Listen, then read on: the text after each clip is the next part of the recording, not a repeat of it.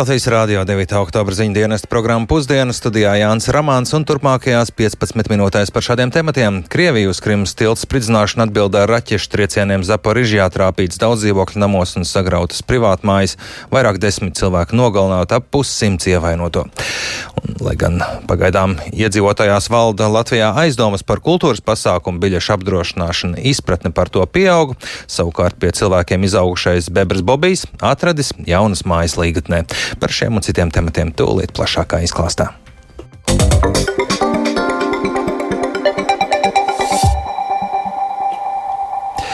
Vairāk nekā desmit civiliedzīvotāji nogalināti šonakt notikušajos Krievijas raķešu triecienos Zaporīžas pilsētā Ukrainas dienvidu austrumos. Iespējams, ka Zaporīžas apšaudīšana bija Krievijas atbild uz vakar notikušo uzbrukumu Krimas tiltam.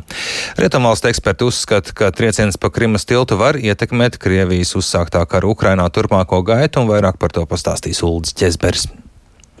Asiņainu nakti aizvadījusi Ukrainas pilsēta Zaporīžja. Vismaz 12 cilvēki ir nogalināti Krievijas raķešu uzbrukumos pilsētas dzīvojamiem rajoniem, paziņojis Zaporīžas apgabala militārās administrācijas vadītājs Aleksandrs Staruks. Vēl 49 cilvēki, arī 6 bērni ar dažādiem ievainojumiem nogādāti slimnīcās.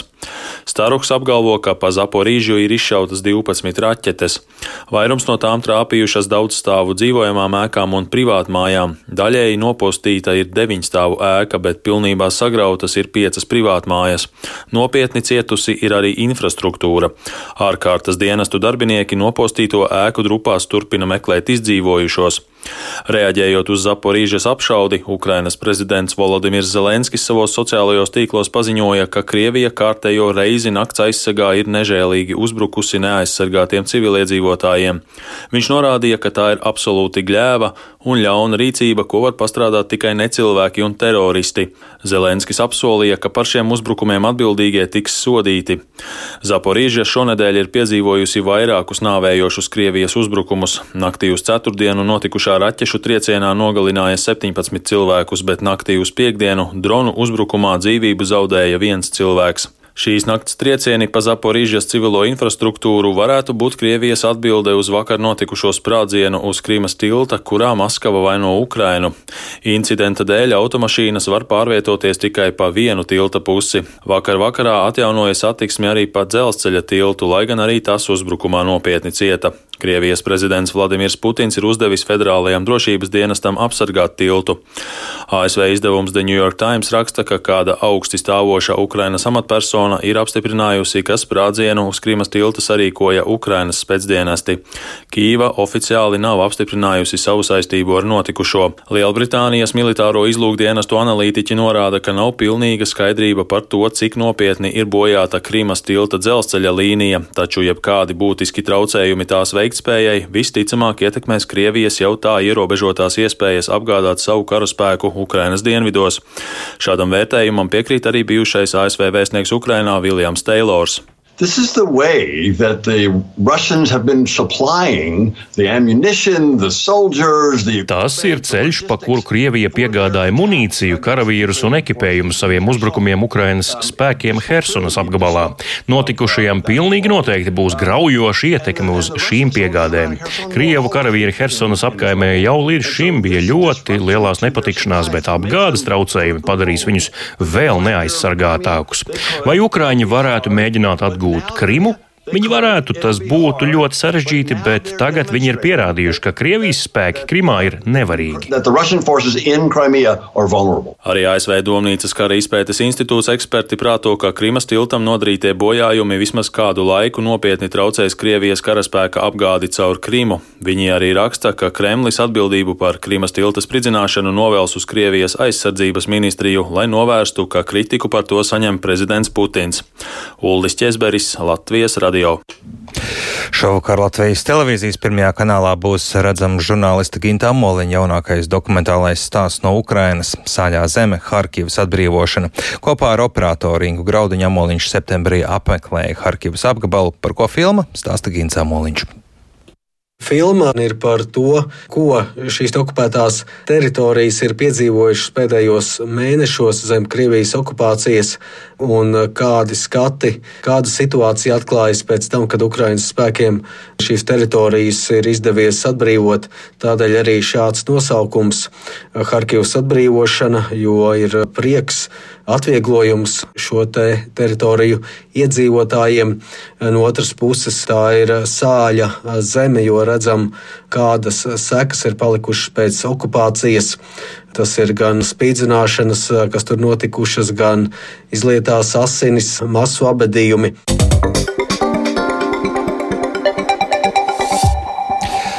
Latvijā līdz ar kultūras pasākumu biļeti nopirkt arī sirdsmieru. Šāds pakalpojums pasaulē nav jaunums, bet Latvijā apdrošināt pasākumu biļeti var tikai kopš māja. Lai gan pagaidām iedzīvotājās valda aizdomas par biļešu apdrošināšanu, izpratne par to pieaug un plašāk par tematu Lindas Zelāns veidotajā ierakstā. Biļešu apdrošināšana ir rīks, kā cilvēkus iedrošināt iegādāties biļetes uz kultūras pasākumiem, nebaidoties, ka dažādu iemeslu dēļ tos varētu arī neapmeklēt. Biļešu paradīzes valdes priekšādātājs Jānis Čuzulis uzsver, ka pasaulē šāds pakalpojums nebūtu nav jaunums, bet Latvijā to sāk piedāvāt tikai kopš maija. Šīs apdrošināšanas galvenais mērķis ir nodrošināties pret paša apmeklētāja nespēju apmeklēt pasākumu, vai slimības, vai kādas citas ķibeles dēļ. Ja pasākums ir pārcelts uz citu vietu vai uz citu laiku, un patērētājs nevar uh, uz to, vai tam nav vērts uz to ierasties, arī šis gadījums tiek apdrošināts. Jānis Čuzulis stāsta, ka Latvijā izpratne par nepieciešamību iegādāties biļetei apdrošināšanu tikai pieaug. Pēc mūsu informācijas dienesta datiem, gan e-pastā, gan telefoniski cilvēki par to interesējas. Nu, pasaules praksē labs rādītājs tiek uzskatīti, ja tiek apdrošināts aptuveni 5% no biļetēm. Šādu rādītāju mēs, protams, vēl neesam sasnieguši, bet esmu pārliecināts, ka esam ceļā uz to. Arī apdrošināšanas uzņēmuma Balcija Insurance valdes priekšādātājs Jānis Lacaus atklāja, ka biļešu apdrošināšana Latvijā ir jauns produkts un to pagaidām iegādājas zem 10% pret faktisko biļešu iegādes apjomu. Lacaus teica, ka ņemot vērā cilvēku jautājumus, vismaz pagaidām šķiet, ka valda ļoti liels aizdomas par biļešu apdrošināšanu un jautājumi ir dažādi. Vai seks tad, ja attiecīgi man saslims skaķis un man viņš būs jāved pie ārsta? Jānis Lacaus skaidro, kādus gadījumus apdrošinātājs sedz piemēram, klients ir aizmirsis, vai cilvēks ir sajaucis datumus vai pulksteņus, vai ir aizgulējies un nepaspēja. Mēs neiedziļinamies tenīs apstākļos, bet pēc būtības, ja cilvēks nav bijis koncertā un mēs redzam, ka biļete nav izmantota, tad tas ir apdrošināšanas gadījums. Jaunā Rīgas teātra pārdošanas daļas vadītāja Dace Tillere stāsta, ka teātra rīcībā nav datu par to, cik daudz iegādājas apdrošināšanu, bet viņas prāt šādi cilvēki nopērk sev sirdsmieru. Mums labums ir tāds, ka skatītāji ir apmierinātāki. Viņi nejūtās vairs tā, nu, ka viņi pēc tam salīdzinot dārgas biļetes maksā vēl komisijas maksu par biļešu iegādi. Un, ja pēkšņi kaut kas notiek, tad viņiem ir tāda drošības sajūta un viņi saņem šo kompensāciju. Festivāla pozitīvus rīkotājs Girts Majors teica, ka biļešu apdrošināšana pasaulē ir ierasts produkts un tas eksistēja jau krietni pirms pandēmijas. Un arī Latvijā šādam produktam ir nākotne. Es domāju, ka nākotnē mēs nonāksim, ja tirgus tajā virzienā, protams, kad uh, iet, tad arvien vairāk pasākumu rīkotājs domāju to arī piedāvās, bet, protams, pēc tam jau nu, uzmanīgi skatīt skatīties, jo tur varētu būt ļoti dažādi tie riski, ko piedāvā apdrošināt. Turklāt, apdrošinot biļetes pasākumiem, kas notiek citās valstīs, Majors iesaka rūpīgi izpētīt noteikumus, jo katrā valstī tie tomēr atšķiras. Linda Zalāne, Latvijas radio. Līgatnes dabas takās sev jaunas mājas atradis Bebras Bobijs. Bebras izauga kā mazs bērns pie medniekiem Rēzeknas pusē, un pie šiem medniekiem tad arī devās Lāsmas Utivītola. Ciemiņi atnāca, tev nepatīk. Rēzeknē ārsta un arī mednieka Jāzepa Korsaka privātprakses vienā no kabinetiem iekārtojies bebras vārdā Bobijs, gaidot, kad pie viņa ieradīsies pārstāvi no līgatnes dabas takām, lai vestu uz jaunajām mājām. Var paglaudīt Bobiju. No rīta pat zobus mazgājām, jā? Ja? Parādi zobiņi, kādi tev parādi. Nepatīk, jā? Ja? Bebram ir brūns, mīksts kažoks, gari un asi zobi. Mēs mār tādi esam dzimuši. Lai gan Bebrs no sākuma ītā izsakot pretenzijas, tomēr vēlāk sarunas laikā iekārtojas Jāzepam Korsakam klēpī, aizver acis un pamazām iemieg. Bobijas stāsts, nonākot pie cilvēkiem, sākās pavasarī, kad mednieki bebru medību laikā uzņēmās rūpes par trim mazajiem, kuri bija palikuši bez vecākiem. Vienā no alām Foksis mūs ielien iekšā, sāk riet un pēc pēkšņi iznes vienu mazo bebrēnu. Atkal iznes otro un pēc tam trešo. Par vienu no trim bebriem rūpējās Jāzeps Korsaks. Viņa bebru mazulis kopā ar vēl vienu jau maija mēnesī nonāca Rīgas zooloģiskajā dārzā. Taču Bobijs palika pie cilvēkiem visu vasaru. Un mēs nezinām, ar ko viņus barot un kā barot. Jā. Internetā visi meklējām, un, un šito audzināja babaņa. Bet nu, grūti viņai gāja ar viņu, jo čurāts viņš eh, bija jānes uz, uz, uz podziņa. Pa lielajām reizēm gadījās, ka viņš ir telpā, izdarīja to visu pārējo. Palaidām dabā tādā nelielā dīķī, bet skatāmies, ka viņš nu, negatavojas īsti ziemai. Tādēļ vērsušies līgatnes dabas takās, un Bebram paveicās, jo tika atrasta vieta, kur viņu izmitināt. Līgatnes dabas taku vadītā Inta Lange arī uzsver, ka saules dzīvnieki pie cilvēkiem dzīvot nedrīkst. Ja vien tā nav reģistrēta savvaļas dzīvnieku turēšanas vieta, un šī gadījumā tā kā Bobijs ir nu, kā mazulis nonācis pie cilvēka, viņš, jūs redzat, viņš ir tik ļoti pie cilvēka pieredzes, ka viņš vispār nespētu izdzīvot savvaļā, un tas ir arī fakts. Dabas aizsardzības pārvalde šoruden ir uzsākusi kampaņu Neizdzēst dzīvību, informējot, ka dzīvnieku mazuļi, paņemot viņus pie sevis, vairs nespēja dzīvot savvaļā. Bebras Bobijs veiksmīgi ir nokļuvis savās jaunajās mājās Līgatnes dabas takās. Lāsma Zūta Vītola Latvijas radio studija Latgalē. Vēl par notikumiem sporta pasaulē. Pirmās formulas līdzjutēji noteikti šorīt cēlās agri, lai vērot sacīkstes Sudzukas trasē Japānā, bet lielākā daļa iespējams ir vīlušies, jo nebūtu neredzēja to, ko gaidīja. Latvijas sportā arī šodien nozīmīga diena vīru futbola izlasē, bet par visu plašāk zinās pastāstīt Mārtiņš Kļavinieks, kurš pievienojies uh, programmai. Sveicināts, Mārtiņ! Sveiks, Jānis, un sveicināt Latvijas eh, radio pirmā kanāla klausītāji. Jā, nu tad uzreiz ķeršos klāt arī pirmajai formulai. Kā jau minēju, daudz varbūt ir neapmierināti Japānā.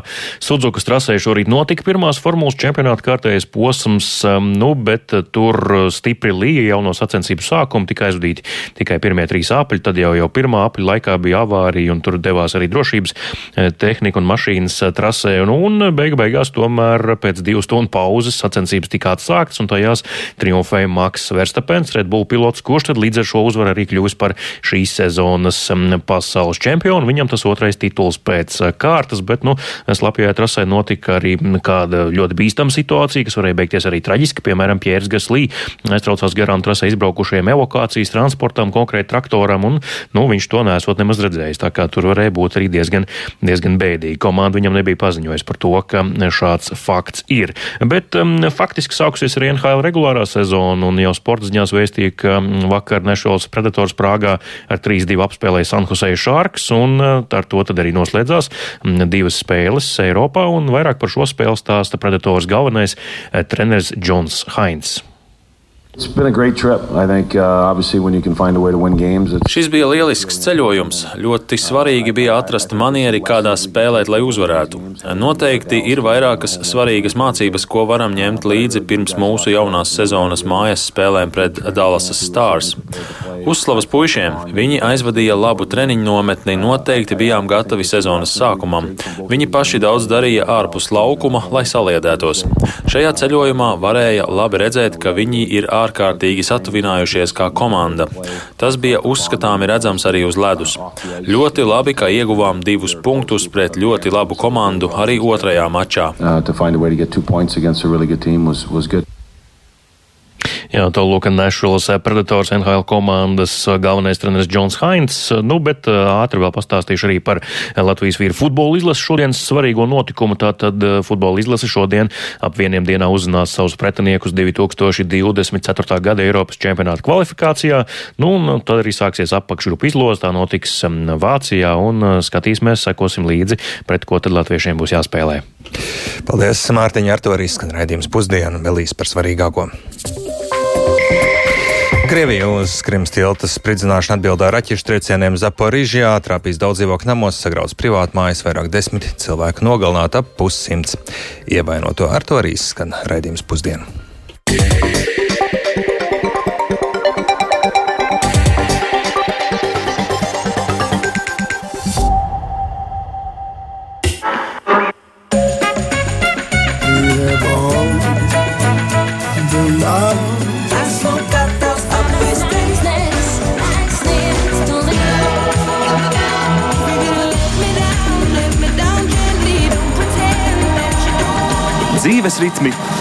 Muzyka.